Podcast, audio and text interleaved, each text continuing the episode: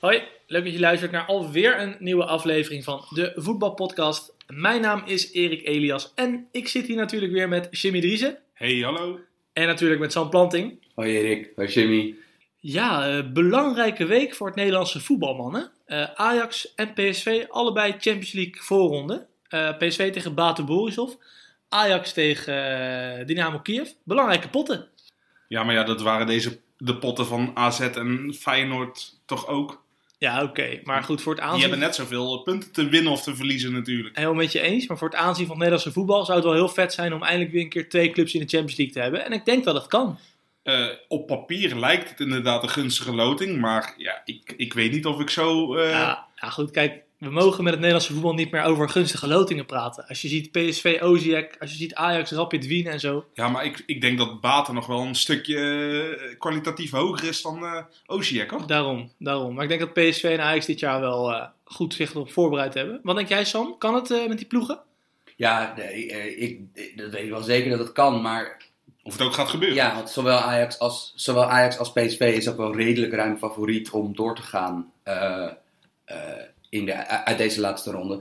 Maar wat we hier wel in Nederland wel een handje van hebben is van eh, wat we niet kennen is meteen shit. Weet je wat ik net deed?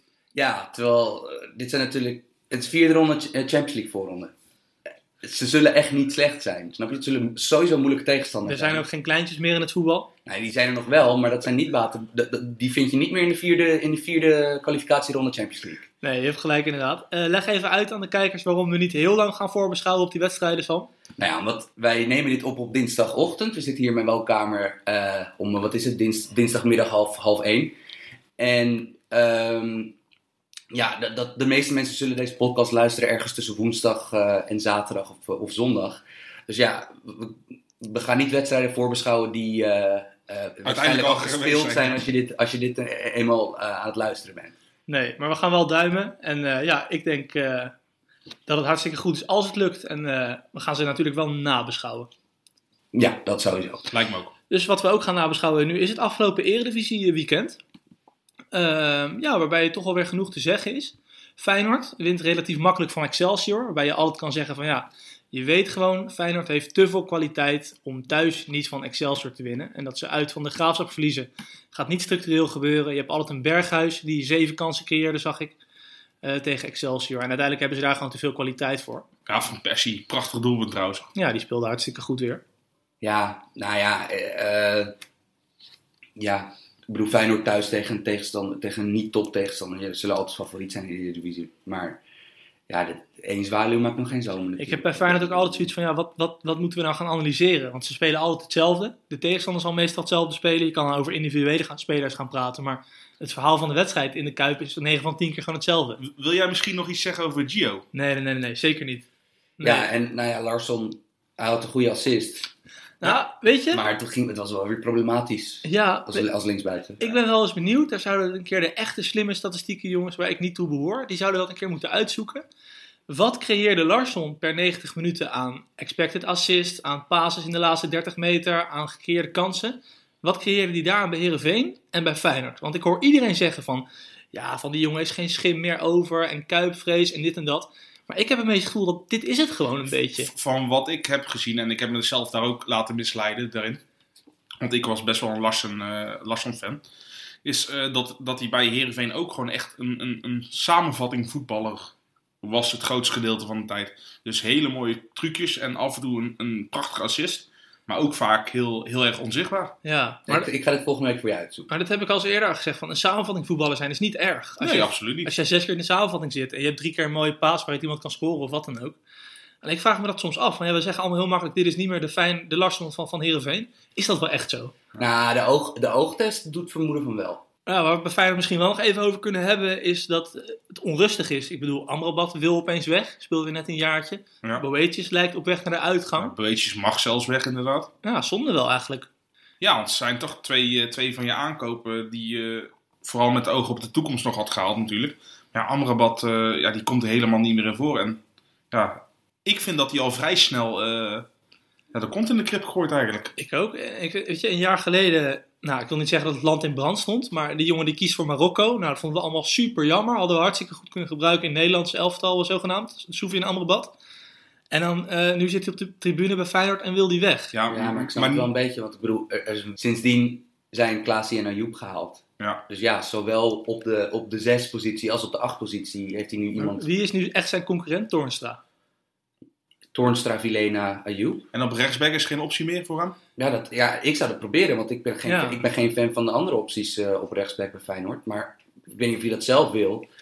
Maar ja, ik denk dus wel, als, als, hij, als deze jongen zo zijn hakken in het zand zet. Ik denk dat hem gewoon bepaalde toezeggingen zijn gedaan. Van wat voor rol hij zou krijgen binnen nu en een jaar toen hij tekende. En dat die niet zijn aangekomen. En in dat geval snap ik het wel een beetje dat je weg wil. Het is natuurlijk wel speculatie, maar ik kan het inderdaad wel voorstellen dat zoiets is gebeurd. En nog even op jou, Erik. Je zei inderdaad, ja, een jaar geleden werd er schande van gesproken. Maar dat was natuurlijk wel met de informatie die we toen op dat moment hadden. Ja, ook niet door mij hoor. Nee, en niemand heeft, ja, maar niemand heeft ook een glazen bol natuurlijk. Nee. Voor vond- hetzelfde geld had hij zich natuurlijk wel gewoon doorontwikkeld tot, tot sterkhouder van Feyenoord. Nou, ik zei het ook een beetje omdat ik het destijds al heel erg overdreven vond. Dat mensen zeiden van, oh, wat zonde dat die jongen voor Marokko kiest en dit Ja, en dat. het, kwam, het past heel goed in het Ziyech-narratief Ja, natuurlijk. kijk, laat- laten we eerlijk zijn. Zien jullie Sofien Amrabat ooit uitgroeien tot een basisspeler in een top 5 competitie nu? Nee. Nou, je, jawel, alleen niet in, het, niet in de subtop of top van... Nee, ja, misschien rechter rijtje dan nog. Ja. Ik denk helemaal niet dat zijn plafond daar ligt ook. Nee, maar eh, sowieso gewoon spelers eh, een ge- geweldige toekomst voorspellen op basis van één of twee wedstrijden. Of juist helemaal afschrijven. Ja, is lastig. Er, zijn er zijn tienduizenden voorbeelden van dat je dat niet moet doen. Maar Waaronder dit weekend De een keeper, heel mooie. de keeper van Emmen. Ja, daar komen we later nog even op terug. Dat was een mooie. ja, Kjell Scherp Ja, dat we de, de, de nieuwe van de Sar, de nieuwe van, Be eh, Jan van Beveren. Jan van Bever hadden we. En eh, die bleek toch ook gewoon een, een, een sterveling te zijn. Dus eh, ik, ja, ik, ik begrijp het voor beide partijen wel. Ja, nou goed, Amrabat en eh Boetius mogen dus weg. Wie ook weg mag bij PSV is Derek Lucassen. Vond ik ook wel weer verrassend. Ja, die, die, die, die gaat inderdaad weg. Die is, die is, op Die is weg al naar Hertha BSC, ja, toch? Eh, Ja. wordt hij verhuurd inderdaad. Gaat snel man tegenwoordig, als je dat zo ziet. Zou dat ook wel weer met een bepaalde toezegging zijn? Nou ja, kijk, ik denk wel dat hij al een tijdje ermee bezig moet zijn geweest. Aangezien PSV heeft natuurlijk S- Schwab en Izimat nog altijd eh, rondlopen.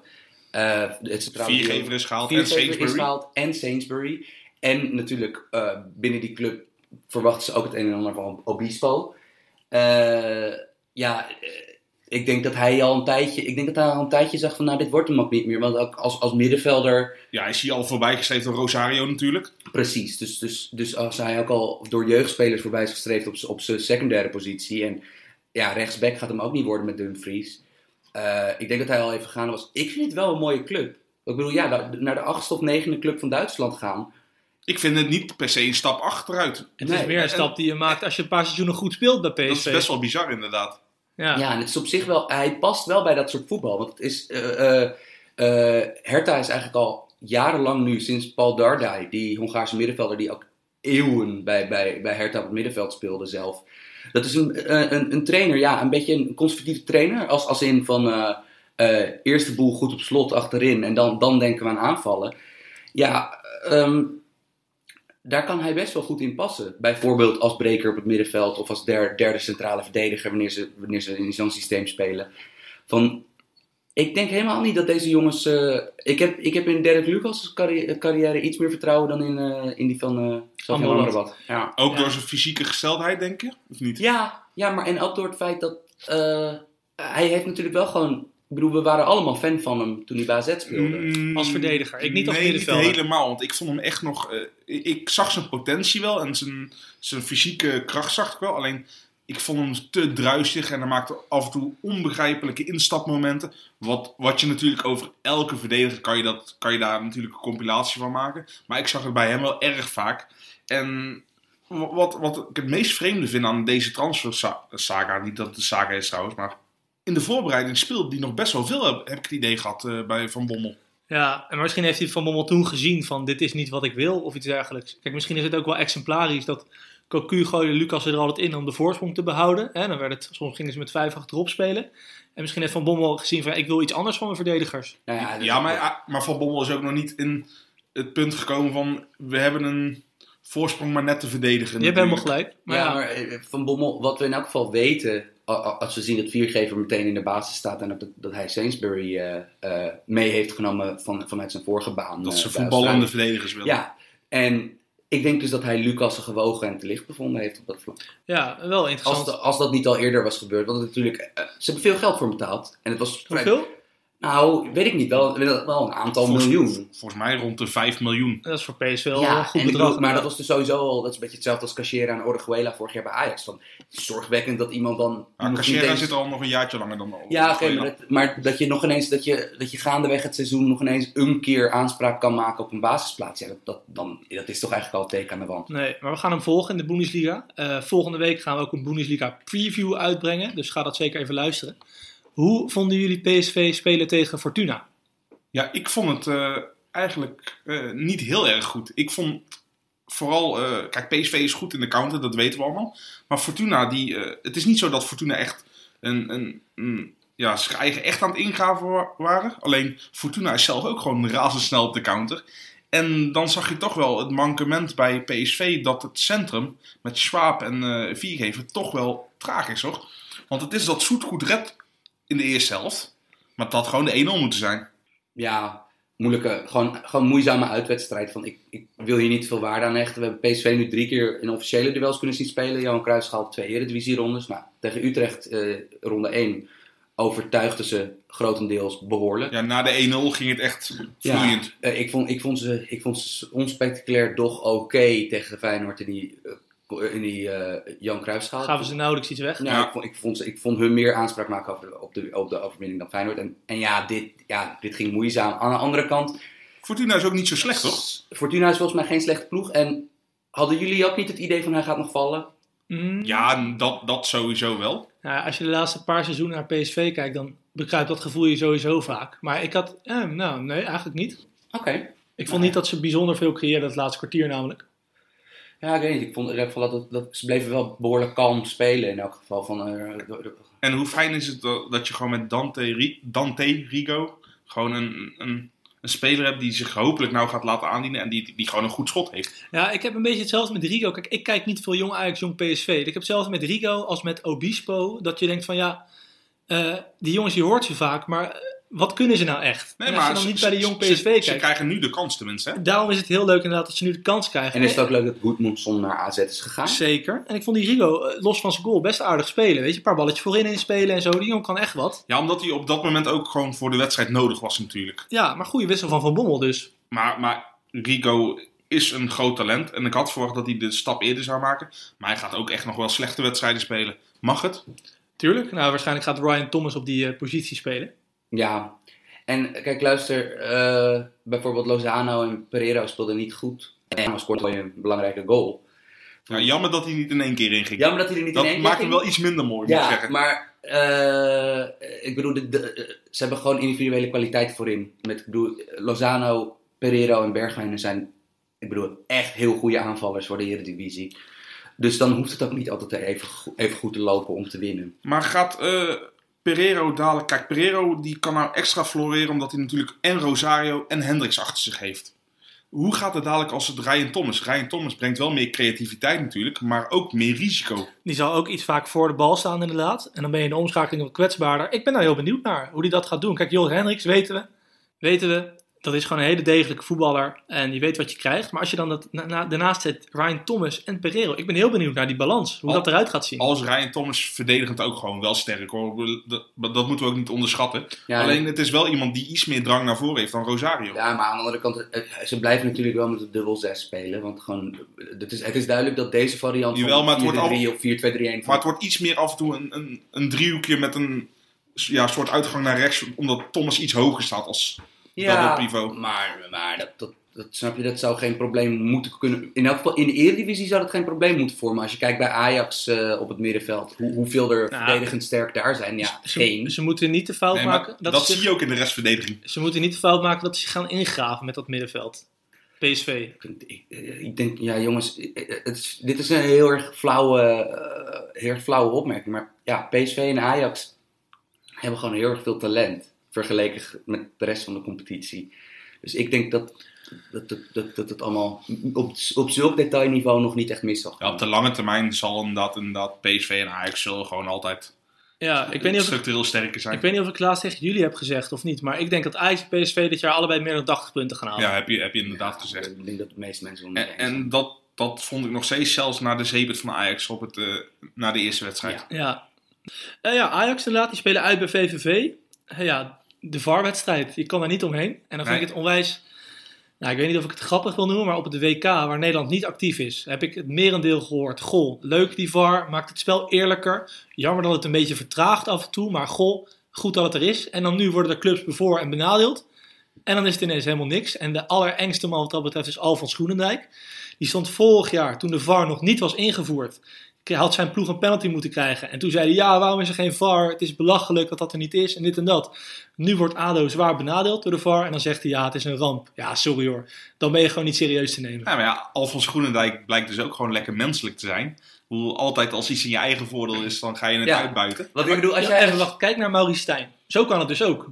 Maurice Stijn zegt, joh, de VAR, ene week heb je nadeel, andere week voordeel. Het is, net een echt, het is net een echte scheidsrechter. Al, al, Zo kan het dus ook. al dacht ik wel, toen, toen de wedstrijd afgelopen was, eh, Stijn ging in een rap tempo ging naar de Ja. scheidsrechters toe. Ik denk, die gaat helemaal los. En hij is, een van de, hij is een van de weinige trainers in deze Eredivisie die ik echt serieus neem als, als hij boos zou worden. Want hij, hij is real. Dus, ja, het, was een heel, eh, het was een hele felle middenvelder zelf. Maar, maar goed, maar Jimmy- Erik, is dit, is, is dit niet gewoon zoals...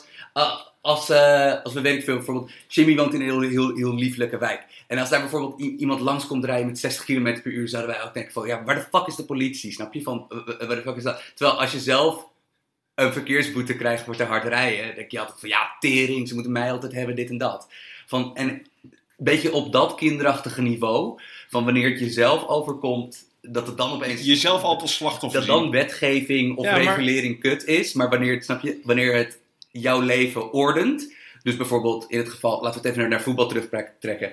Iemand slaat stiekempjes met, met zijn hand een bal weg van de doellijn, waardoor jij niet scoort. Het is best wel fijn dat die VAR, eh, Ja. dat die VAR er is om te zeggen van... hé hey, jongens, er is gewoon onomstotelijk bewijs dat dit is gebeurd. Maar- die bal moet op de stip. Je maakt er nu een heel lang verhaal van. Maar we hebben twee praktijkvoorbeelden. Alvan Schoenendijk en Maurice Stijn. Worden allebei tussen haakjes benadeeld door de VAR. En Groenendijk zegt dit is verschrikkelijk. En Stijn zegt ja, het kan Ja, gebeuren. maar ze worden niet benadeeld. Nee, oké, maar goed. Vanuit de oude situatie dan.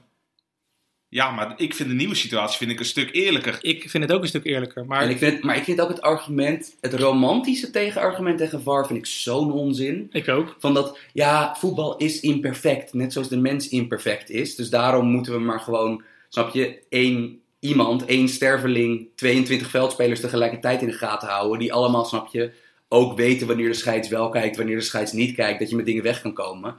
Van, ik vind dat echt een heel vreemd argument tegen de video assistant referee. En, en wat ik ook al heb voorbij zien komen. Ja, topclubs worden bevoordeeld door de VAR. Terwijl ik eigenlijk juist heb, altijd het gevoel heb dat zonder de VAR topclubs bevoordeeld worden. Door het gewoon het. eh, eh, als je in een stadion bent, eh, eh, laat ik het even over de Kuip hebben bijvoorbeeld. Ja, Ik bedoel, eh, ik, Ja, de ik, Kuip ga, is wel een bekende wat dat betreft. ik ga niet zeggen dat alle penalties of beslissingen in het voordeel waren van Feyenoord, dat die ook echt onterecht of terecht waren.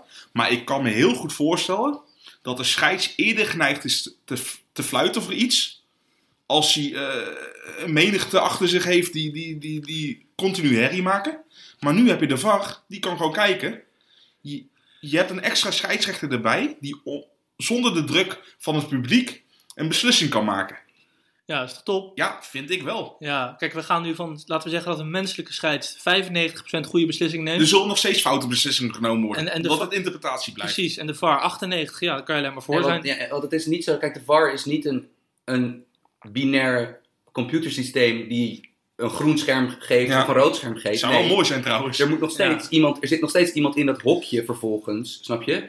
Eh, die zit eh, eh, die bol ook nog te interpreteren. Ja, die komen altijd heel mooi in beeld inderdaad. Dan Ja. draai je zich even om. Hè? In, in volledig tenue. In volledig met, tenue. met kicks aan. Je zou zeggen, doe lekker een spijkerbroekje aan jongens, maar Ja, goed. Maar eh, ik wil niet al te lang over de VAR. Ja, waarom ga je dan over door? Nee, maar, maar ik wilde wel één ding zeggen, is dat die, Ajax, of VVV Ajax liet zien dat de implementatie ervan nog niet helemaal ideaal is. Want bijvoorbeeld, ik heb nog steeds geen afdoende verklaring gehoord waarom ehm, die enorme sweeper die de licht gewoon gaf in de, in de blessuretijd, Nee, waarom die niet werd gereviewd. die werd volgens mij, er werd wel naar gekeken, maar er werd besloten dat er niks aan de hand was. Want het probleem was, hij gaf een sweeper, maar hij werd, op datzelfde moment werd hij ook gigantisch vastgehouden. Ja, Dus dan cancelt het elkaar uit. maar Jimmy, jij hebt heel vaak al deze, op, eh, deze oplossing eh, gepitcht. Namelijk, gewoon, maak het zoals een merk Ja, nee, nee, absoluut. Geef de scheids of geef desnoods die, die, die VAR-official, geef die een microfoontje. Laat die in heel van tevoren bepaalde taal, zodat er ook geen, geen snap je, dat er ook geen, geen wiggle room tussen zit. Gewoon zeggen van, wij, wij zijn tot dit besluit gekomen omdat, Omdat- dit, dit Ja. en dit. Alleen daar komen, st- ik ga even de rol van Erik gewoon overnemen, want ik weet dat er in de mailback een vraag over de VAR komt. Dus daar gaan we het straks nog eventjes over hebben. Oeh, So- teaser. sorry dat we het weer over de VAR gaan hebben, Sam. Zullen we het nu stoppen over de VAR en het over voetbal gaan hebben? Ja, maar waren die beslissingen nou terecht of niet? ja. Maar eh, hoe vonden jullie Ajax voetballen? De eerste helft eigenlijk gewoon dikke prima. Ja, hè? Ja, eh, Dus ze komen niet vaak voor de goal, maar als ze komen zijn het wel grote, grote kansen. Ja, kijk, kijk die kans van Neres alleen al. Inderdaad. Ik wil heel even, even wat credits geven aan eh, VVV. Want wij roepen hier zo vaak, en er zijn meer, meer, eh, meer van die jongens die proberen dat er iets anders tegenaan te kijken tegen voetbal dan nu wordt gedaan. Van, doe het nou een keer anders in Nederland. En nou ja, VVV is wel een goed voorbeeld van het anders aanpakken. Het En- stokisme. ja, en het ook echt, nee, maar, en het ook echt inderdaad het onderste uit de kan halen. Want, eh, nou ja, Nederlandse clubs staan niet echt bekend als defensieve vechtmachines. Maar ja, VVV heeft gewoon echt een ploeg die goed kan ingraven. En het is gewoon heel moeilijk tegen voetballen. Jimmy, jij zei stokisme, leg dat even uit. Ja, Ja, volgens, eh, ik had gehoord dus eh, tijdens de wedstrijd, eh, of tijdens de voorbeschouwing van de wedstrijd van VVV Ajax, dat VVV echt gemiddelde langste selectie heeft, dus qua lengte. En ja, dat is gewoon met standaard situaties, zowel aanvallend als verdedigend, is dat gewoon een absoluut voordeel.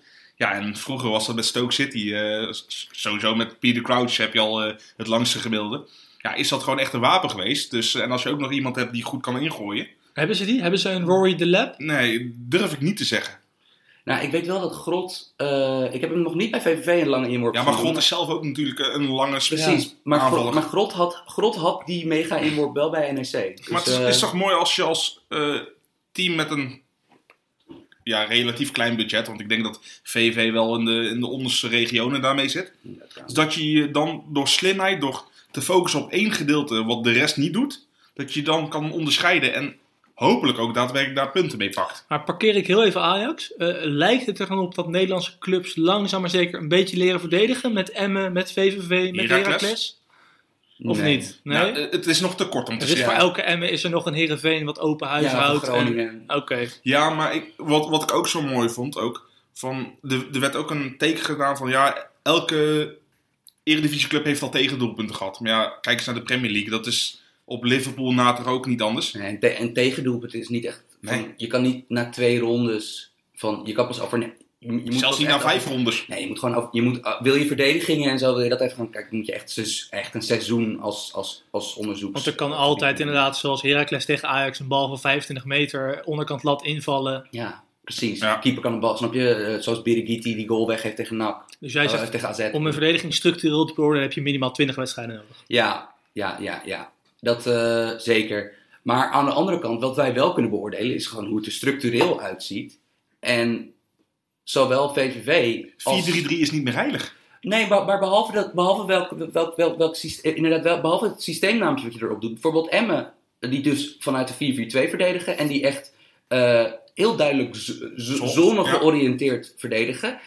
Eh, ja, ik vond het wel leuk om te zien, want die, die, die, ik denk dat die tegen de één na best opbouwende ploeg in de Eredivisie speelde. Want ik vind eigenlijk, ik vind Ajax ook wel uitstekend in, in, in spelopbouw, maar AZ is natuurlijk een ploeg die dat heel goed kan Ja. van die patroontjes achterin, van hoe je de bal het, middenveld in krijgt. En ik vond, eh, ik bedoel, de uitslag van de wedstrijd was redelijk dik. En was ook misschien een beetje geflatteerd, maar gewoon AZ was een duidelijk betere ploeg. Maar als je dat Emma zo zag, dan denk ik van, nou, bij een iets minder voetballende ploeg, succes ertegen hoor. Ja, Sam, je hebt helemaal het initiatief overgenomen, maar dat is geen enkel probleem. eh, want we zitten bij AZ dus. Eh ja, Boadu doet het daar erg goed. Ja, dat, eh, wij hadden in de, in de, in de voorbeschouwing van, ons, van het Eredivisie seizoen in onze voetbalpodcast hadden we het over dat wij het allemaal, dat wij Björn Johnson van ADO naar AZ een beetje een vreemde transfer vonden. Omdat toch, ja, dat, dat, dat positie, dat passingvoetbal van AZ. Je zou denken dat een snelle, bewegelijke spits daar eigenlijk nog beter bij zou passen dan een, een nieuw type Weghorst.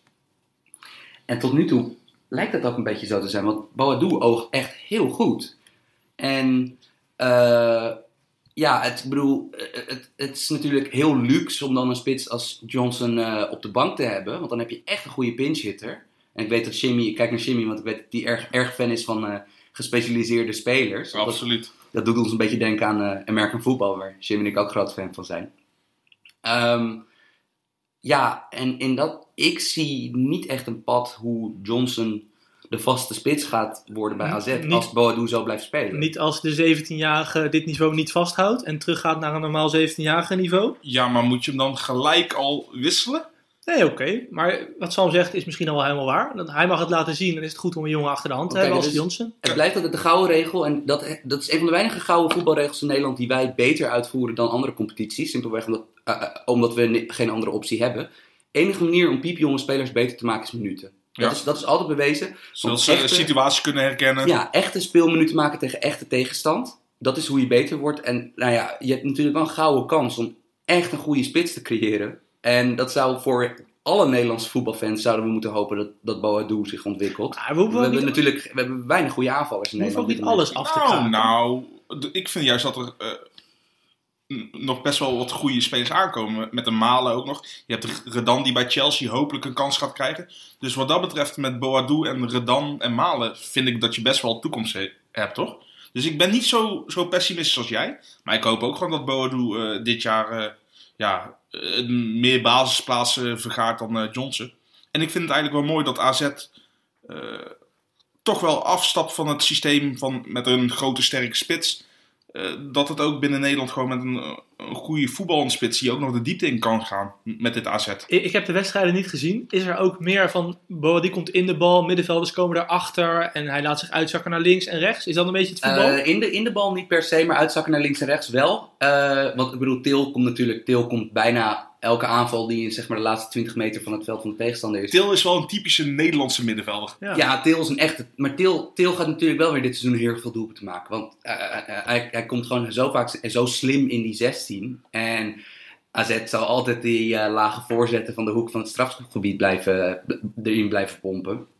Ja, nee, Boadu was inderdaad, week uit. Hij kan met- van positie wisselen met Idrissi. Ehm, maar en, en in de omschakeling viel het gewoon op. Ja, het is gewoon een snelle aanvaller. ja. En als je Boadu en Idrissi hebt in de omschakeling, ja, dat zijn redelijk gevaarlijke klanten voor elke Eredivisie-verdediging. Van die kan je niet met de ruimte in de rug verdedigen, wordt een moeilijk verhaal. En eh, ja, als je snelheid hebt op de zijkanten en voorin en creativiteit erachter, dan ben je spekkoper in de Eredivisie. Ja. Eh, nou, we waren bij Ajax gebleven. We hebben nu AZ al even meegepakt, hartstikke informatief. Ajax wint dus 1-0 eh, krapjes. En denk ik dat er wel één probleem ontstaat in die ploeg, dat is de linksbuitenpositie, hè? Ja, als Neres daadwerkelijk echt eh, de lange tijd eruit gaat liggen, heb je vrij weinig alternatieven die ik goed genoeg acht. En eh, er wordt wel gezegd van ja, Ajax mist helemaal diepgang, maar diepgang hoeft niet altijd natuurlijk te zijn. Ah, Ik vond het tegen VVV, sorry dat ik door je heen Ja, Labiat was schandalig vond slecht. ik ook, maar weet je, iedereen roept diepgang, diepgang. Maar als VVV met zijn kont in de 16 Ja. verdedigt, in welke ruimte moet je dan diep gaan? Juist, ja, achter, achter de lijn. Tussen de penalties en de 5. Ja, maar dan is hij alles voor de keeper als hij er overheen komt. Dus Ik hoop in elk geval niet dat, dat, dat het opportunisme van Ajax, dat er nu snel iemand bijgehaald moet worden. Jody eh, Lukoki. aan de andere kant, ik, volgens mij heb ik dit vorige week ook aan de podcast geroepen. En eh, vanochtend eh, Razi, ga je daar naartoe? Nou ja, ik, ik zou het helemaal niet zo raar vinden om, om hem terug te halen. Maar het, schijnt het schijnt dat hij nogal moeilijk vertrokken is bij, eh, bij, bij Ajax uh, anderhalf of Ja, met Bos, maar Bos is er natuurlijk gewoon hij had. Ja. ruzie met eh, Bos, maar Overmars zei ook van, joh, je kan beter een andere club zoeken. En ik heb laatst het fantastische programma bij Andy in de auto gekeken. Echt, Dus dat is oprecht een van de leukste internetprogramma's dat die er is is. oprecht moment. superleuk. En daar zei hij ook van, ik gun Ajax het beste, maar ik ben daar wel heel moeizaam weggegaan met de mensen. En ook voor een deel die er nu nog zitten. Ja, nee, dan, dat is Nee, een dan gesloten boek. Wat wou jij zeggen over Labiatje? Ja, dat, dat hij echt schandalig slecht invult. Kijk, ik, ik ben helemaal niet voor het afbranden van nieuwe spelers. En Labiat zal echt nog hopelijk zijn waarde wel bewijzen. Maar het leek wel of hij echt verstijfd was door angst. Misschien kan het zijn dat hij gewoon niet goed overweg kon eh, met het, gas, eh, ja, het kunstgasveld. Maar ik weet niet hoe zijn eh, prestaties bij Utrecht daar waren. Nou, kijk, waar, waar ik eigenlijk, wat ik dit ook wilde zeggen is van Ajax heeft gewoon vrij veel spelers die wel de snelheid hebben om in de rug van verdedigingen voor gevaar te zorgen. Neres natuurlijk de eerste, maar ja, als Dolberg terug is. Dolberg is natuurlijk snel voor een centrumspits. Ja, maar die, voordat we hem als zekerheidje mogen beschouwen, moet hij wel even weer een reeks van wedstrijden Dat is spelen waar. natuurlijk. En we moeten ook niet vergeten dat Ajax heel veel centjes heeft neergelegd voor iemand die enorm op de brommer is. Dat is Hassan. Ja.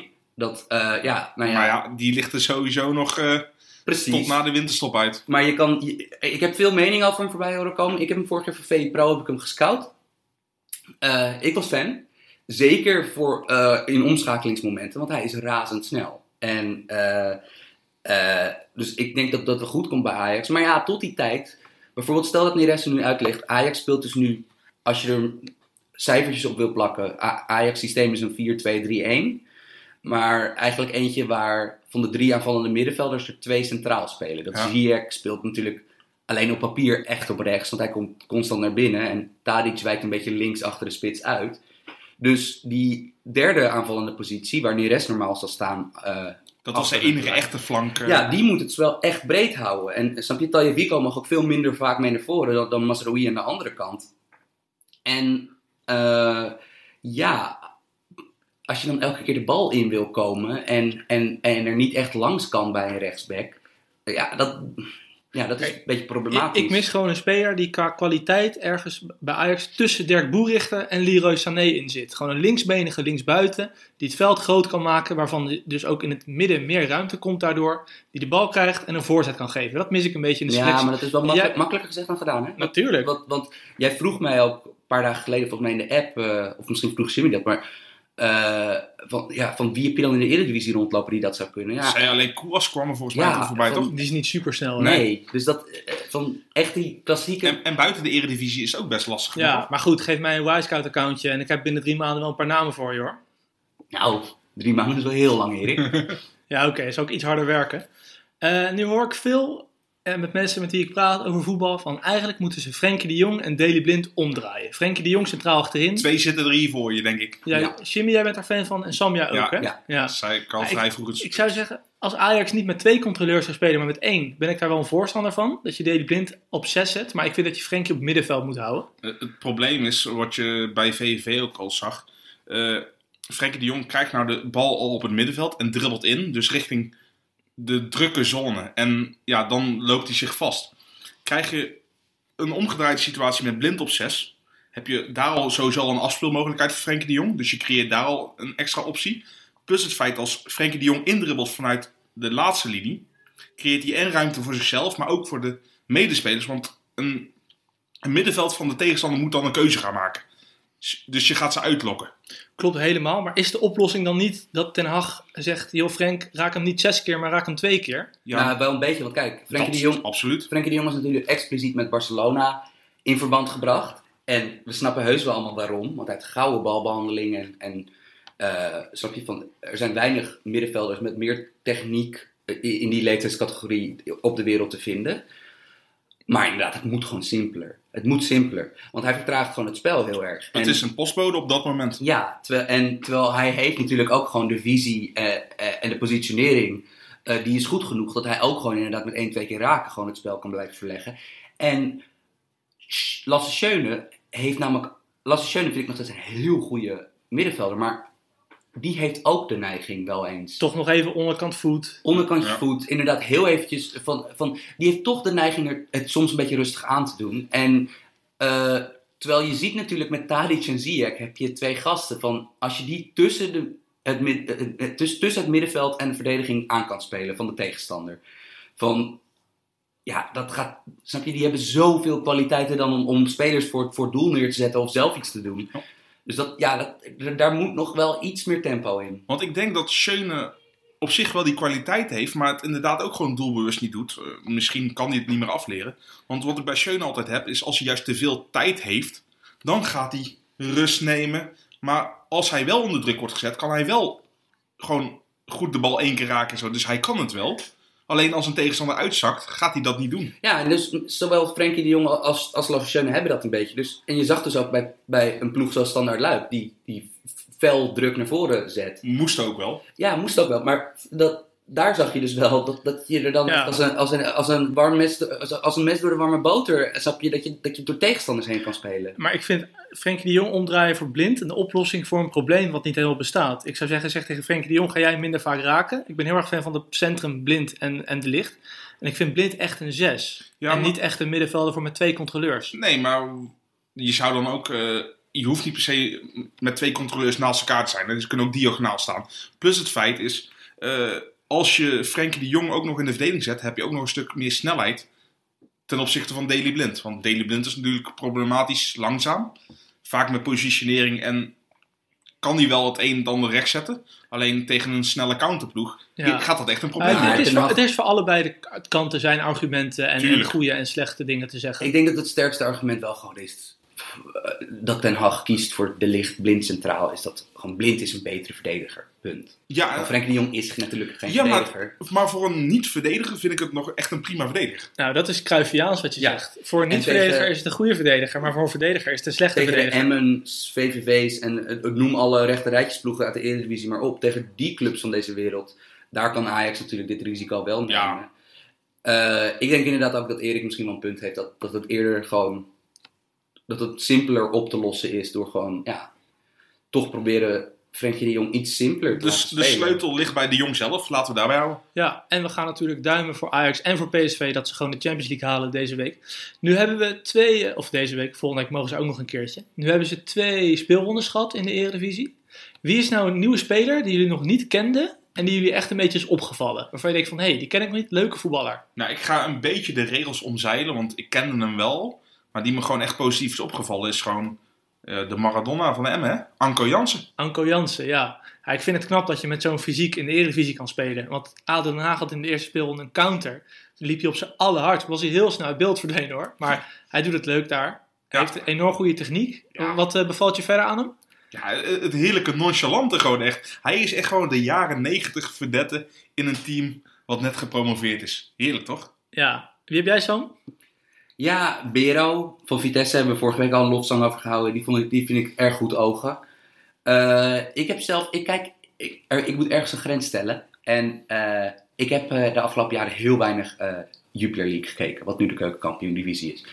En ondanks dat hij tot nu toe twee keer heel twijfelachtig heeft gespeeld, ben ik geweldig fan van Lisandro Semedo bij, eh, eh, bij eh, Fortuna Sittard. Maar komt dat dan door zijn kapsel? Of... Nou, kijk, ik ben sowieso, ik heb een zwak voor zeg maar vedettes met heel erg veel vertrouwen in zichzelf. En aan de andere kant, kijk, wat ik van de Jupiler League vorig jaar meekreeg, zag ik dat hij daar ver, ver, ver onder zijn niveau zat. Ehm, maar hij durft. Van, hij durft te spelen. Hij durft acties te maken. Hij heeft- in ieder geval genoeg dribbels ja, en tegen PSV ging het, ging het, elk, ging het telkens mis. Maar hij heeft nu 21 dribbles geprobeerd. Ja, Waarvan hoeveel gelukt? eentje. Eentje. Maar Ja. die ene was wel heel mooi. Maar aan de andere kant, kijk, luister. eh, eh, iedereen die, die een paar ogen in zijn, in zijn kop heeft zitten, van, je kan zien, hij heeft goede balbehandeling, hij is razendsnel. Net zoals zijn landgenoot André Widigal, die op de andere kant, eh, op de andere vleugel inviel. Ehm, en hij maar hij heeft vorig seizoen ook gewoon laten zien, hij had, in de Jupiler League had hij gewoon 15 goals, 15 assists. Ja. Ik bedoel, natuurlijk vallen ze daar makkelijker te- mee te prikken dan hier. Maar ik, dat, vond, dat vind ik wel een heel sympathieke speler in elk Ja. geval. Ik heb zelf Jerdy Schouten van Excelsior, eh, middenvelder. Als het kan speelt hij hem vooruit. Eh, heeft al het overzicht, kan een bal twee kanten op aannemen. En dat soort middenvelders zijn er echt te weinig in Komt Nederland. het de jeugd van AZ? Geen idee, weet ik niet. Nee, dat durf ik ook niet te zeggen. Maar goede voetballer. Eh, op het middenveld van Adrie Poldervaart bij Excelsior. Dat was eh, de Eredivisie. Gaan we nu even naar het buitenland. Want eh, ja, daar gebeurt natuurlijk ook weer een hoop. De meeste competities beginnen langzaam aan weer. De Serie A is afgelopen week begonnen, afgelopen weekend. Daar gaan we het niet over hebben. Want we gaan vanavond een Serie A podcast preview maken. Dus daar kan je alles over luisteren. Dat komt denk ik morgen of overmorgen online. Woensdag of donderdag. Dankjewel, Jim. Dus daar gaan we het niet over hebben. We gaan ons vooral berichten op Engeland en Spanje. Want Manchester United, jongens, verloren bij Brighton. Met voetbal dat je niet denkt, dit komt weer goed. Oké, Brighton scoort uit de eerste helft. Hebben ze drie schoten op goal. Zijn ook drie goals. Maar echt, eh, ja, in de Eredivisie zeggen trainers nog wel eens heel mooi... ik heb wel aanknopingspunten gezien. Ik heb bij Manchester United geen aanknopingspunten gezien. Ja, weet je wat het was? Weet je wat het is? Vorig seizoen was dit net zo. Alleen toen viel het balletje voor United wel de goede kant op.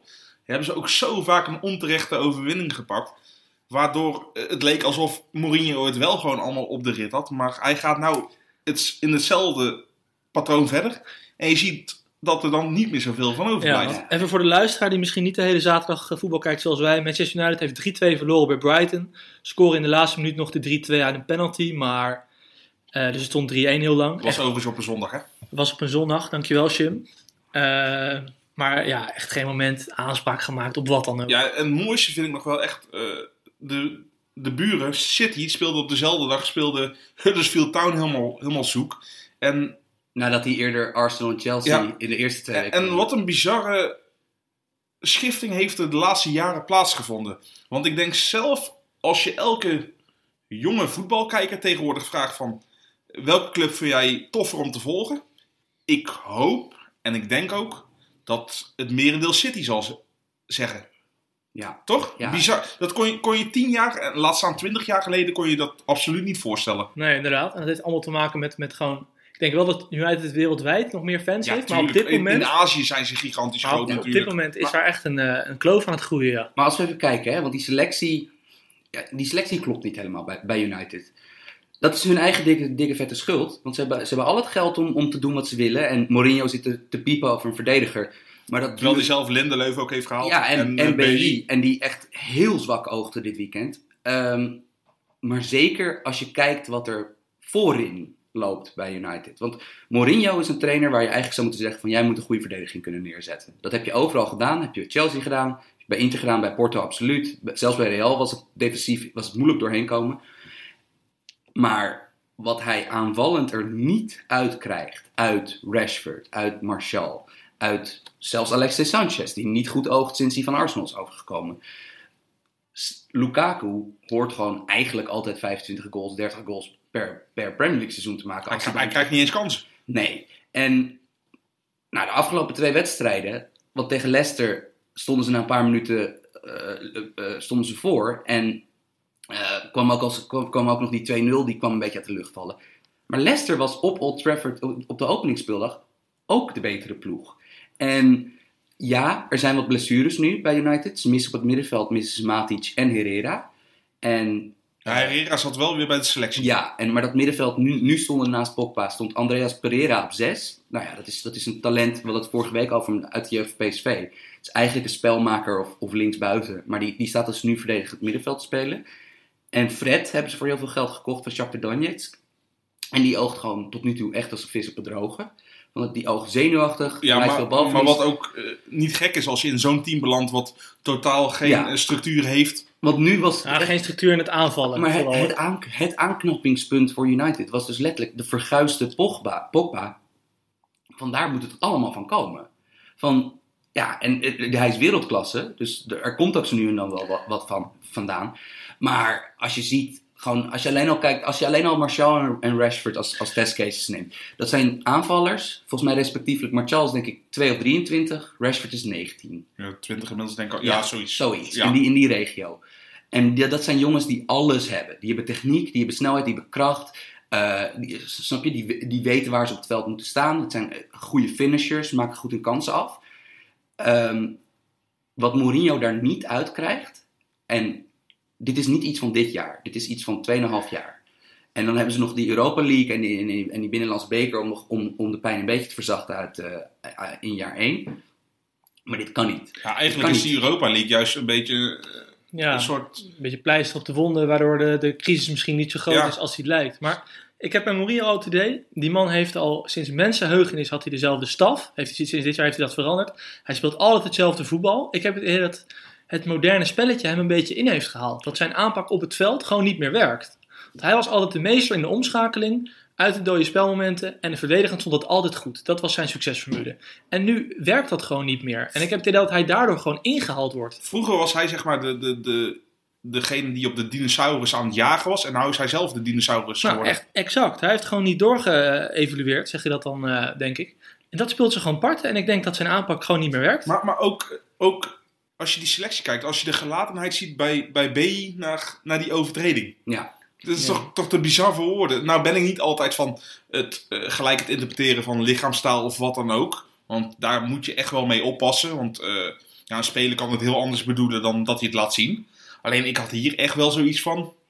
Nou, het, het, het maakte me echt helemaal niks uit. Nee, en, en Ik heb het idee dat die groep niet meer voor, voor Mourinho door het vuur Nee, en bijvoorbeeld, ze hebben dus nu. Dat hebben we in, in Nederland kunnen we dat eigenlijk alleen met Ajax vergelijken. Van dat, dat een club zo onder vergrootglas kan liggen. Dat, club, dat spelers ook echt ineenstorten. Dat die gewoon onherkenbaar zijn. Nou, Soleimani, goed voorbeeld. Van, nou, is no- nooit meer echt die speler geworden die bij Heerenveen was. En Lindeleuf, ja, die heb ik. eh, snap je, uit, met het oog op dat hij later bij een topclub zou, zou, zou gaan spelen. Ik heb hem heel vaak bij Benfica gezien. Was hij gewoon echt een heel goede verdediger. Zeker voor zijn leeftijd. Maar die oogt gebroken. Als jij, elke Bij- week bij- in bij de, als jij elke week in de pers leest van jouw trainer, Ja. ik wil een centrale verdediger hebben, ik heb niet genoeg goede centrale verdedigers, dat gaat parten spelen sowieso.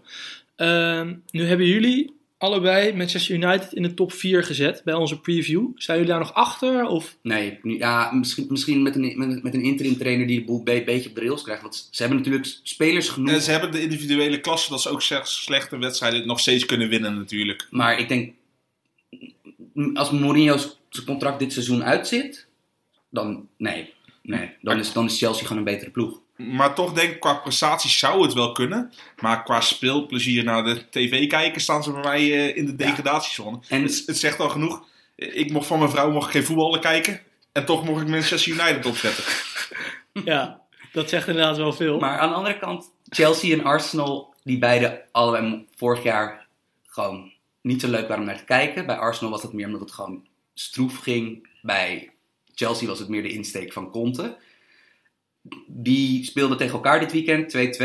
Ik denk dat 3-2 Oh, voor sorry, 3-2 Chelsea. voor, 3-2 voor Chelsea. En ik denk dat Arsenal daar een beetje pech mee had. Want Arsenal miste echt monsterkansen. Ehm, dat, wordt, dat zijn echt heel leuke ploegen. Ik bedoel, ja, Ja. Die, die, die gaan zeker tegendoelpen te vangen. En Arsenal heeft ook gewoon de pech dat ze eerst tegen City moeten en daarna tegen Chelsea. Ja. Ja, Ja, ik had de verjaardag van opa Jan, dus ik heb het niet gezien. Maar eh, jullie vonden dat het een beetje gelijk opging, die pot? Ik heb eh, Chelsea-Arsenal heb ik eh, ook niet bekeken. Ja, ik wel. Dat, dat, eh, Hazard kwam er dus weer pas in later. En dat, hij, hij swingde ook uiteindelijk de wedstrijd. En het was ook op, zijn assist dat Alonso de winnende maakte. Ja, het leek heel even echt... Chelsea begon heel explosief. En het, echt, het, leek echt op een waterkopie van Napoli. Eigenlijk nu al. Een derde man vinden in de combinatie. Verticaal, verticale passing. Ja, dat was goed. Maar duo Rudiger, David Luiz...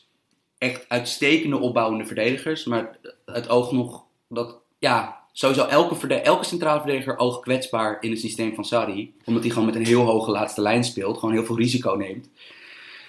Maar ja, met de snelheid van Aubameyang en, en, de, en de individuele kwaliteit van Özil, Mkhitaryan en Iwobi. Ja, dat, dat, er kwamen veel kansen doorheen. Moet ik, eh, moet ik hem nog terugkijken, die pot? Of, eh, Nou, die, eh, voor, de, voor de leuk kan je dat doen. Maar is nog vroeg in het seizoen, dus bedoel, we kunnen nog niet echte patronen en zo. Die, die, die, eh, snap je, die echt over het, het verhaal van het seizoen gaan vertellen. Die kunnen we bij Arsenal nog, bijvoorbeeld nog niet echt zien. In elk geval de wil om leuk te voetballen. En ook de wil om zeg maar voetballende spelers een kans te geven. Guendouzi, die, die, die jonge krullenbol bij Arsenal. eh, Kovacic viel ook in bij, bij Chelsea. Het gaat gewoon leuk worden. Het gaat een leuke ploeg worden. Oké, dan heb ik nog twee ploegen op mijn lijstje staan. Fulham en Wolves, waar wij vrij hoog over opgaven. Eh Wolves heeft één punt uit twee wedstrijden en Fulham heeft er zelfs Nul. nul. Ja. Dat is niet echt een lekkere start. Nee, ja, als je naar Wolves kijkt, eh, ja, die hadden we heel hoog ingeschat. En ik weet het, zelfs op, twee baas, het, op basis van twee wedstrijden moeten we nog niet te veel conclusies trekken over eh, expected goals voor en tegen. Alleen, ja, ze hadden gewoon twee keer volgens dat systeem moeten winnen als alles afgemaakt was. Maar goed, eh, het zegt nog steeds niks over twee wedstrijden. Maar dat ze, nul punt, dat ze één punt hebben, zegt ook nog niks. Ik zag dat op basis van die expected goals waar je het over hebt, dat Liverpool en Wolves de twee ploegen zijn die het het beste doen. Die hebben qua kwaliteit de minste Ja. kansen tegen gehad. Ja. Ja, ik denk dat City ook wel aardig. Nee, Nee. Het, eh, eh, Wolves heeft minder expected goals tegen. Oh, tegen. Ja, Ja, het gaat puur alleen om ja. tegendoelpunten. Nou, nou, kijk, tegen Leicester, dit, is gewoon, dit, gebeurt, dit gebeurt je één of twee keer per seizoen. Ja. Dus ze, ze raakten zelf drie keer de houtwerk voordat Leicester de 1-0 maakte. Leicester had drie schoten op doel en twee ervan ging erin. Ja, waarvan één eigen doelpunt ook nog. Ja, dus over Wolves hoeven we ons niet echt zorgen te maken. Nee, bij Wolves zitten er echt een paar spelers die je goed in de gaten moet houden. Neves, gaat, eh, Neves is echt een dirigent daar op het middenveld. Die gaan we nog vaker hier benoemen. Ja, hij is 20. Dat is gewoon de toekomstige aanvoerder van Portugal. Die is echt geweldig. Te vergelijken met welke speler? N- Ruben Neves? Eh, Pirlo? Nee. Nee, is hij iets te, dynamisch voor. Nee, ja, eh, nee ik, vind, ik vind het lullig om het... Ruben Neves gewoon is, is, Ja. een- is gewoon Ruben Neves. Ja, en, en eh, voorin oogt Raúl Jiménez, die echt nou, volgens mij vier jaar lang pinch-hitter is geweest bij, eh, bij Benfica, spits van Mexico. Die oogt echt als een, als een, dat is een steal. Want dat gaat, die oogt echt als een heel goede spits. Ja. Oké, en Fulham? Nul punten zelfs. Ja, maar die hebben ook, ik, ik vind ze nog steeds gewoon goed ingekocht hebben. Hebben onder andere tegen de Spurs gespeeld. Ja, Oogde echt heel goed tegen Spurs. Ja. Het middenveld met Zambo Guiza als een brekers, serie. Seri en, en Kearney als de spelmakers. Dat is echt een goede ploeg. Maar een, een goed Fulham kan nog steeds verliezen van, in een uitwedstrijd van Tottenham. Ja, en zelfs een matig Tottenham. Ja. Ik, was, ik was weer niet onder de indruk. Nee. Dus nou ja, ik bedoel, maar ja, dat is gewoon zoveel kwaliteiten daar. Maar met die twee ploegen gaat gewoon, gaat gewoon goed komen. Ja. Oké, nou, goede round-up geweest. Gaan we even naar Spanje, want daar is de competitie ook weer begonnen. Dan wil ik vooral Real Madrid eruit lichten. Die spelen tegen Getafe, geven nauwelijks wat weg, winnen echt heel comfortabel met 2-0 uit mijn hoofd. Mhm. Echt eh, geen veldje aan de lucht, met een middenveld Kroos op 6. eh Cabellos, Sabellos, hoe heet die jongen? Ceballos. Ja, die krijgen nu een kans hè, om de loop te gaan. rechtsmidden en linksmidden Isco. Heel aanvallend zou je zeggen, maar het stond prima en er was niks aan de hand. En jij Sam zei tegen mij, ze spelen wat Spaanser. Ja, dat, dat- gewoon, dat komt al simpelweg doordat de, de BBC niet meer voorin is nu Ronaldo weg is. En met Asensio er toch gewoon een positiespelspeler bij is gekomen. En ik zat na te denken, want wij hebben in de podcast, ik denk wel vijf of zes keer gespeculeerd wat Real zou moeten doen ter opvolging van Ronaldo. En later toen hij eenmaal wegging, van ja, wat moeten we doen? En ik, ik ben ondertussen een beetje van de school geworden. Gewoon niemand meer halen. Niemand halen. Dit is het. Of misschien voor de breedte iemand halen. Dan zou je bijvoorbeeld Rodrigo van Valencia, die uit de jeugd van Real komt, die zou je terug kunnen halen als vierde aanvaller. Maar Asensio moet gewoon inderdaad gewoon, een, moet gewoon vanaf nu gewoon een baasspeler zijn. Want die is te goed om, om, om weer als 12e, 13e jongen te hebben. Ja, en misschien kan Bill juist helemaal weer opbloeien. Nou ja, dat, tot nu toe. Hij was tot nu toe. Hij oogt heel goed. Nou ja, Eh, weet in je? de Supercup, die is verloren vorige week. En, en, en eh, tegen Getafe. Hij, hij, hij oogt echt heel goed. En Weet je wat wat wel weer leuk is, Benzema is gewoon heel goed. En dat, dat zien we nu ook weer terug. Nu die wat meer een rol krijgt. Benzema is supergoed. Maar Absoluut. in het basketbal heb je de Ewing-theorie. En die komt erop neer dat Patrick Ewing speelde in de jaren 90 bij een ploeg in de NBA, namelijk de New York Knicks. New York Knicks. Was een grote speler. Eh, niet alleen fysiek Ja, groot, Ben je al snel in want eh, hij speelde basketbal, maar was een van de belangrijkste spelers van de competitie. En hij ging weg en dat team ging veel beter draaien. Ja, dus Bill Simmons, de beroemdste Amerikaanse sportschrijver. Ook iemand die volgens mij veel invloed op mij heeft gehad, ook op Jimmy, denk ik. Eh, die, kwam ooit in een column met deze theorie. Dat sommige ploegen beter presteren als hun eh tussen haakjes sterspeler, dus degene die de meeste punten maakt of bij voetbal de meeste goals maakt, dat die er niet speelt. Dat kennelijk dat er iets gebeurt met de chemie van het team, dat, dat misschien dan opeens de rollen, dat mensen dan opeens in een juiste rol op een juiste plek komen. Eh, en jij wilde natuurlijk deze theorie een beetje gaan plakken. Ja, bij het voetbal natuurlijk. En dus zijn wij een beetje na gaan denken, een beetje gaan knutselen. En wij hebben hem gedoopt als voetbalpodcast tot de Zlatan-theorie. Oh, dus je gaat nou ineens al my shine ga je even wegnemen. Nee, jij was het, Jim. Het was Jimmy. Het, was was Jimmy. Driessen. Het was Jimmy Driessen. Want eh, Jim, Zlatan is een paar keer gebeurd, hè? Ja, het- laat, laat ik vooropstellen, Slatan is, is een gigant, is een hele goede voetballer. Alleen ik kan me niet aan de indruk onttrekken van dat teams toch altijd iets beter gaan presteren zodra Slatan niet meer in je team zit. Ja, Barcelona ging hij weg, winnen een jaar daarna de Champions League. Inter, Inter gaat hij weg, winnen een daarna de Champions League. Zweden stopt hij als international, Ja. halen het eerstvolgende WK de kwartfinale. ja, Ja, en kijk, Zoiets het, moeilijke is, we kunnen deze Ewing-theorie of Zlatan-theorie niet helemaal op Real Madrid loslaten, omdat er bestaat simpelweg, je kan niet beter gaan presteren dan Real eigenlijk al deed. Want Ja. Real heeft, snap je, ja. van de laatste vier Champions Leagues gewonnen. En, ehm, of wat is het, vier van de laatste vijf zelfs. Ze hebben drie van de laatste drie, vier van de laatste vijf. Ja, Ja. sorry, vier van de laatste vijf. Dus ja, beter dan dat wordt het niet. Maar ik denk wel dat eh, eh, bepaalde spelers, en dan kijk ik vooral naar de Spaanse jongens Asensio en Isco, van ja, die zullen nu opeens de gezichten van dit team zijn. En die zijn Ceballos misschien? Nee, ik denk dat dat een goeie- heel goede speler is, maar nee, ik bedoel, je hebt toch gewoon op het middenveld met Modric, Kroos, Isco, heb je al zoveel eh, dirigenten. Jawel, maar die worden ook al een jaartje ouder. Ja, nou, maar Modric bijvoorbeeld, daar heb ik nog wel redelijk eindeloos vertrouwen in. Kan hard gaan ineens, hè? Ja, dat, Ja, dat eh, kan altijd. Maar dat is bij Real Madrid dus heel interessant om in de gaten te houden. Dat wij- het zou heel grappig zijn natuurlijk als Bill ehm, nu een keer 30, 30 doelpunten in een seizoen maakt. Nou, Hij moet een keer heel Benzema? blijven. Ja, ja. Die gun ik het nog meer eigenlijk.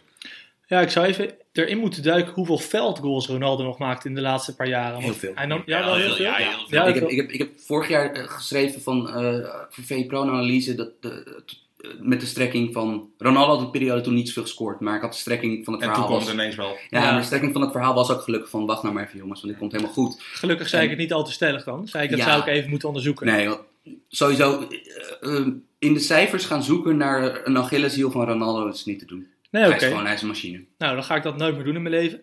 Eh, woensdagavond, Real Madrid Atletico, 4-2 voor Atleti. Sco- eh, schieten acht keer, scoren vier keer. Ja, een paar mooie goals. efficiënt. Een paar zieke golazo's zaten ertussen. Leuke pot gezien. Kunnen we daar heel veel conclusies aan ophangen of niet? Nee, tuurlijk niet. Nou, ik Hoezo durf- niet? Ik durf er eentje te doen. Eh, Thomas Lemar hebben ze natuurlijk heel veel centjes voor neergelegd, 80 miljoen. Van Atletico.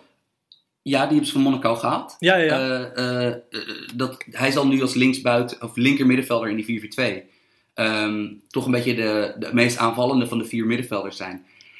Ja, als je dan hem zo ziet en hoe hij een bal kan aannemen, hoe hij een mannetje kan uitspelen, van, dat is inderdaad het soort actiemaker wat Atletico nog naast eh, de power van Costa en, en, de, en de klasse van Griezmann, Griezmann nodig had. Maar daar had ik de wedstrijd in principe niet voor nodig. Want ja, het klinkt nou heel de Dan natuurlijk. Maar dit had ik wel verwacht. Omdat ik de kwaliteit van Ja. Lemar ken. Maar is hij een soort Yannick Ferreiro Carrasco plus plus plus? Weet je, Nee, zo'n heel anders type? een voetballer. Ja? Want hij verdedigt beter mee. Het is- hij- Iets, hij iets kan- minder blind. Ja, hij kan in het middenveld, hij kan in het middenveld meevoetballen als centrale middenvelder. Ja. Is een hele Hij is heel veelzijdig. Net als Bernardo Silva eigenlijk. Dat, die twee middenvelders van AS Monaco. Ja, Die kunnen op de flank occuperen. Ze kunnen de halfspaces betrekken. En ze kunnen ook gewoon als centrale middenvelder. ja we, zullen, we zullen later terugdenken aan het Monaco-team. Wat dus met Mbappé voorin, Mandier linksback. Man die linksback, Fabinho. Fabinho op het middenveld en dus, ook, en dus Jardim, wat een hele grote trainer gaat worden, denk Ja. ik. ja, en dan, maar vooral Bernardo en Lamar als twee nummer 10 aan de zijkant. En eindelijk is Lemar ook weg. Net als al zijn andere vrienden. ja, Gun ik hem wel. En dat is dus gewoon, dat is een heel goede aankoop van Atletico. Ik denk dat Arias sneller dan wij verwachten een, ehm, een basisplaats bij Atletico gaat Ja, krijgen. Juan Fran blijft natuurlijk wel een legende daar ja, natuurlijk. gisteren Atletico, Atletico speelde gisteren uit op bezoek tegen Valencia in de eerste competitiewedstrijd. Valencia oogt prima. Eh, die, hebben ook weer, die hebben goed aange... 1-1 geworden, zag ik. Ja, daar, daar, daar hebben we het wel een andere keer over, maar eh, gewoon bij, bij Atletico oogt gewoon vooral gewoon een beetje oud. Want dat, dat is hij ook. Hij heeft super lang goed gespeeld. En dus er zijn echt mogelijkheden voor Arias om ook eh, in dat elftal. En dan de derde jongen, die, de, het derde nieuwe gezicht bij Atletico eh, is. eh, hij heeft zelfs het rugnummer van Gabi gekregen. Het rugnummer 14 van aanvoerder Gabi, die is gestopt deze zomer gekregen.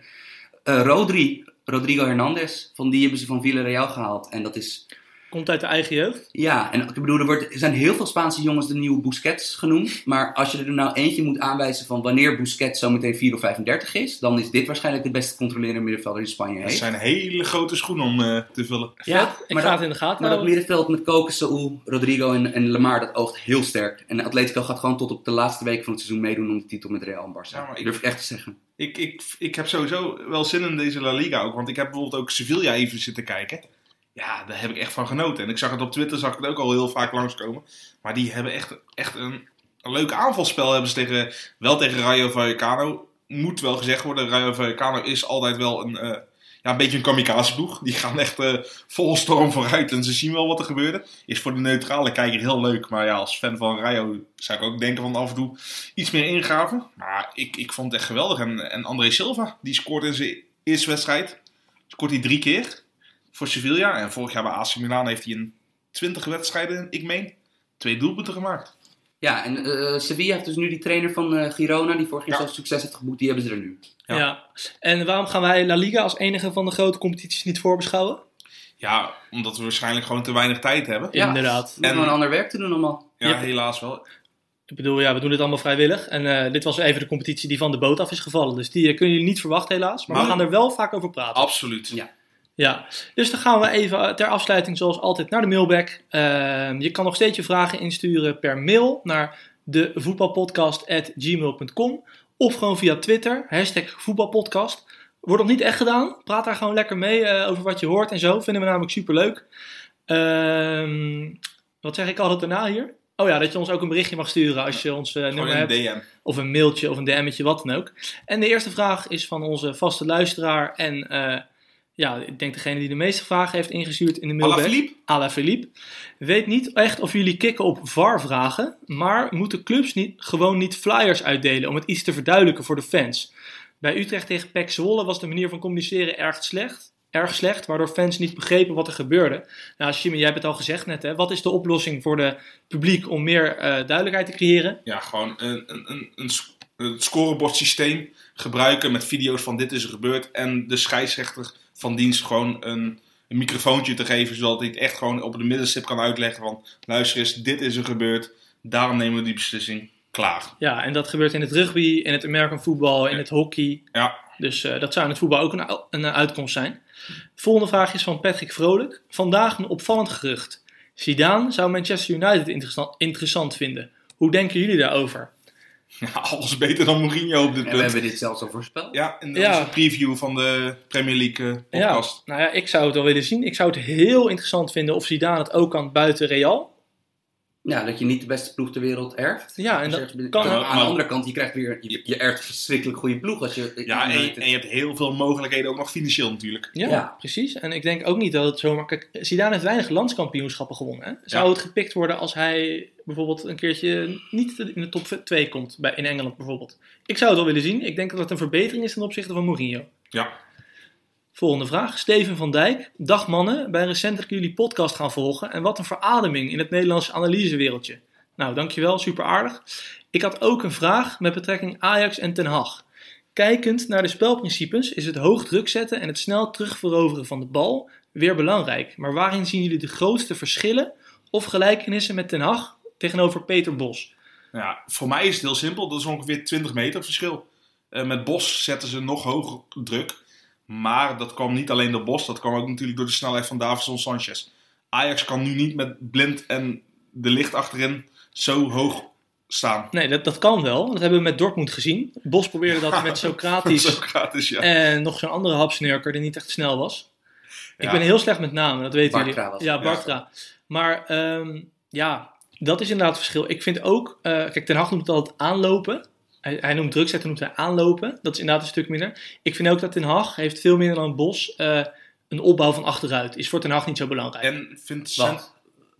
Ten Hag vindt het ook prima om met een lange bal, tweede bal eh, aan het voetballen te komen. Dat was onder Bos wel echt minder. Nou, nee, hier ben ik, wat, ik, had, ik vond dit een goede vraag. Ik heb erover nagedacht. Ja, ik vind juist hoe Ajax nu opbouwt heel gevarieerd. En ik, ga proberen het, sim, ik probeer het even simpel uit te leggen. Maar Ajax heeft eigenlijk drie verschillende patronen hoe ze opbouwen. En Voordat je dat gaat zeggen, dat is inderdaad een groot verschil ten opzichte van Bos. Bij, Os had, bij Bos had iedereen een eigen positie en daar moest je staan. En dan gingen ze ballen inspelen. En bij Ten Hag is dat een stuk anders. Namelijk, Ja, nou ja, sowieso is Ten Hag, zoals eigenlijk alle moderne trainers en bijvoorbeeld de, de gevreesde laptop trainers in Duitsland dat doen. Wij zijn laptop Ehm, podcasters. Dat eh, ze bouwen 3 plus 1 op. Wat betekent dat? Dat je drie man achterin houdt en dat er één controleur eh, in wezen eh, naar achter komt om die bal eh, op te halen. En dan heb je eigenlijk je hebt drie patronen die je bij Ajax heel vaak ziet. Ik denk dat het patroon wat je het vaakst ziet is dat Masraoui dus heel ver naar voren staat. Dus op papier bijna als rechtsbuiten, waardoor Ziyech naar binnen kan en Tadic, snap je, ook weer kan, lekker kan opschuiven. En dat je dan eigenlijk achterin met de licht, blind en Tajevico staat. Tajevico die dan later in de aanval een beetje mag opschuiven. En dat Schöne meestal degene is die dan inschuift eh, om er een 3 plus 1 van te maken. Eh, dan heb je de volgende variant, is dat Schöne schuift tussen de twee centrale verdedigers. Dat is dat hij tussen de licht en blind eh, bijvoorbeeld, dat hij daar komt te staan. Dit betekent dat zowel Tajevico als Masraoui hoog op het veld mogen staan. Dit betekent ook dat Frenkie de Jong zichzelf moet, moet echt, echt moet eh, manifesteren als aan- aanspeelpunt voor die drie achterin. En dan de derde variant eh, is dat een van de twee. En die zie je vooral, die derde variant zie je vooral als Frenkie de Jong centraal achterin speelt. Maar met de licht en blind heb je spelers die dat ook zullen moeten doen. Dat is dat een van de twee centrale verdedigers indribbelt op het middenveld. En dat betekent dat de backs, Masraoui en Tajevico even wat terug moeten staan. Waarom, dit, waarom al deze patronen? Kijk, het is gewoon best wel lastig te verdedigen. dat is lastig te verdedigen. Van dat, dit is gewoon van als een ploeg hier echt varieert. En in dit opzicht begrijp ik ook bijvoorbeeld waarom Schöne altijd speelt bij Den Haag. Omdat Schöne is bijvoorbeeld. Schöne is in dit kat-en-muisspelletje Gewoon heel heel, slim. goed. Ten Hag heeft gewoon een playbook. Ja, hij heeft gewoon een beetje een playbook. En het is wel zo. ehm, wat mij opvalt is dat bijvoorbeeld dit jaar, wat ik een heel erg verbetering dit jaar vind van vorig jaar, is dat Ziyech minder eh, wordt aangespeeld op eigen helft. dat Ziyech veel minder vaak hoeft uit te zakken van... hé hey, jongens, geef me eens de bal, ik geef wel een geweldige lange paas vervolgens.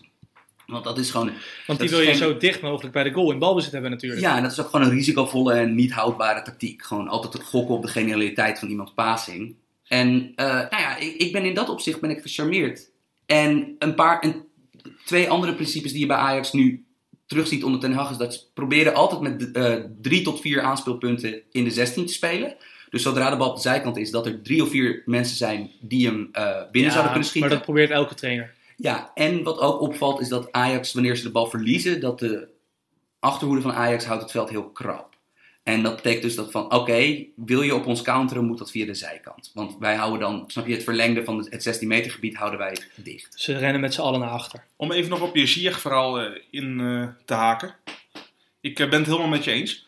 Eh, maar het voordeel is natuurlijk ook eh, voor Ten Hag nou, heeft hij ook zelf voor gezorgd, maar dat Tadic er ook nou is. Dus eh, Ajax is niet meer afhankelijk van de creativiteit van één speler.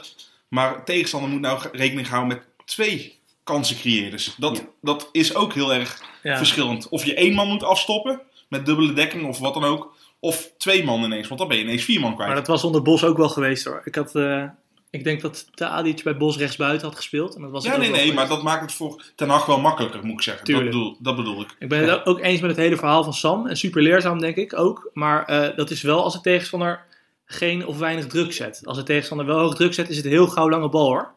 Moet Nou, ik wil het nog wel even zien. Van, van, Nou, van, ik ga maar tellen hoe vaak Anana die bal lang speelt.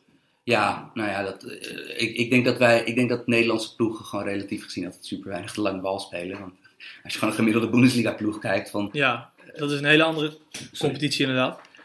Eh, volgende vraag. Standaard wissel. Weer terug op Twitter. Leuk. Tegen Fortuna werd duidelijk dat het bij PSV op het middenveld echt nog niet goed staat. Ja, hebben we ook wel zo gezien hè. Ja. Denken jullie dat Ryan Thomas het antwoord zal zijn op dit probleem? Eh, qua type speler wel. Qua kwaliteit ben ik nog niet van overtuigd. Maar mocht hij zich aanpassen aan het niveau van PSV, dan hebben ze wel echt de juiste speler gehaald. Dus ik snap de scouting wel. Jij bent heel erg fan, Sam. Nou, ik vind, vind het verwoordt eigenlijk prima. Van, en ook van, van, als je dezelfde Thomas krijgt als bij PEC, ja, dat is gewoon een heel nuttige middenvelder om te hebben wanneer je de bal hebt. Ja. Dus ja, ik, ik, ik, ik hoop het voor PSV. Niemand kan het voorspellen. En het is alweer makkelijk om inderdaad eredivisie aankoop te zeggen. Maar ik snap wel, ik snap wel waarom PSV hem heeft gehaald. Of het uiteindelijk de juiste oplossing is. Ja, dat als iedereen een glazen bol zou hebben, zou niemand meer ooit alleen de lotto winnen, toch? Nou, kijk, in elk geval wat we wel kunnen zeggen is van, in de, binnen de eredivisie ehm, was dit wel echt met afstand de beste optie. Ja. Van wat je kan halen als PSV, als je PSV bent. Toch? Ja, Ja. Nee, duidelijk. Dan zijn we er weer doorheen. Dankjewel voor het luisteren. Nog even een kleine shout-out. Eh, dat heb ik ook van die jongens geleerd. Wat dat is, namelijk dat je even iemand in het zonnetje zet. Eh, er zijn twee podcasts opgestart deze week. Fanpodcast van FC Utrecht en van FC Groningen. Ga dat even luisteren. Wij juichen het hartstikke toe dat er gewoon allemaal leuke nieuwe... Weten Eh, jullie de naam van die? Ja, eh, die van Utrecht heet volgens mij RW, RW Podcast 030. Oké, En die van Groningen heet... kon veel minder Ja, podcast. ja, kon veel minder. Maar daar is nog geen aflevering van. Maar in ieder geval, super vet. Eh, ja, podcast eh, zijn blijkbaar hip. Ja, en als, je, en als de luisteraar ons wil helpen met, met deze podcast groter maken, reviews op iTunes. Ja, want we stonden laatst heel even in de top 10 bij iTunes. En toen heeft iemand ons twee sterren gegeven. Die vond dat niet zo leuk. Dus we kunnen wel weer wat hulp gebruiken. En eh, super bedankt voor het luisteren. En tot eh, volgende week. En vergeet niet om eventjes de Serie A preview eh, te luisteren. Want die gaan we zo meteen opnemen. Met Willem Haak. Met Willem Haak, de jonge Serie A-kenner van Nederland. Tot volgende week. Hoi! Yo.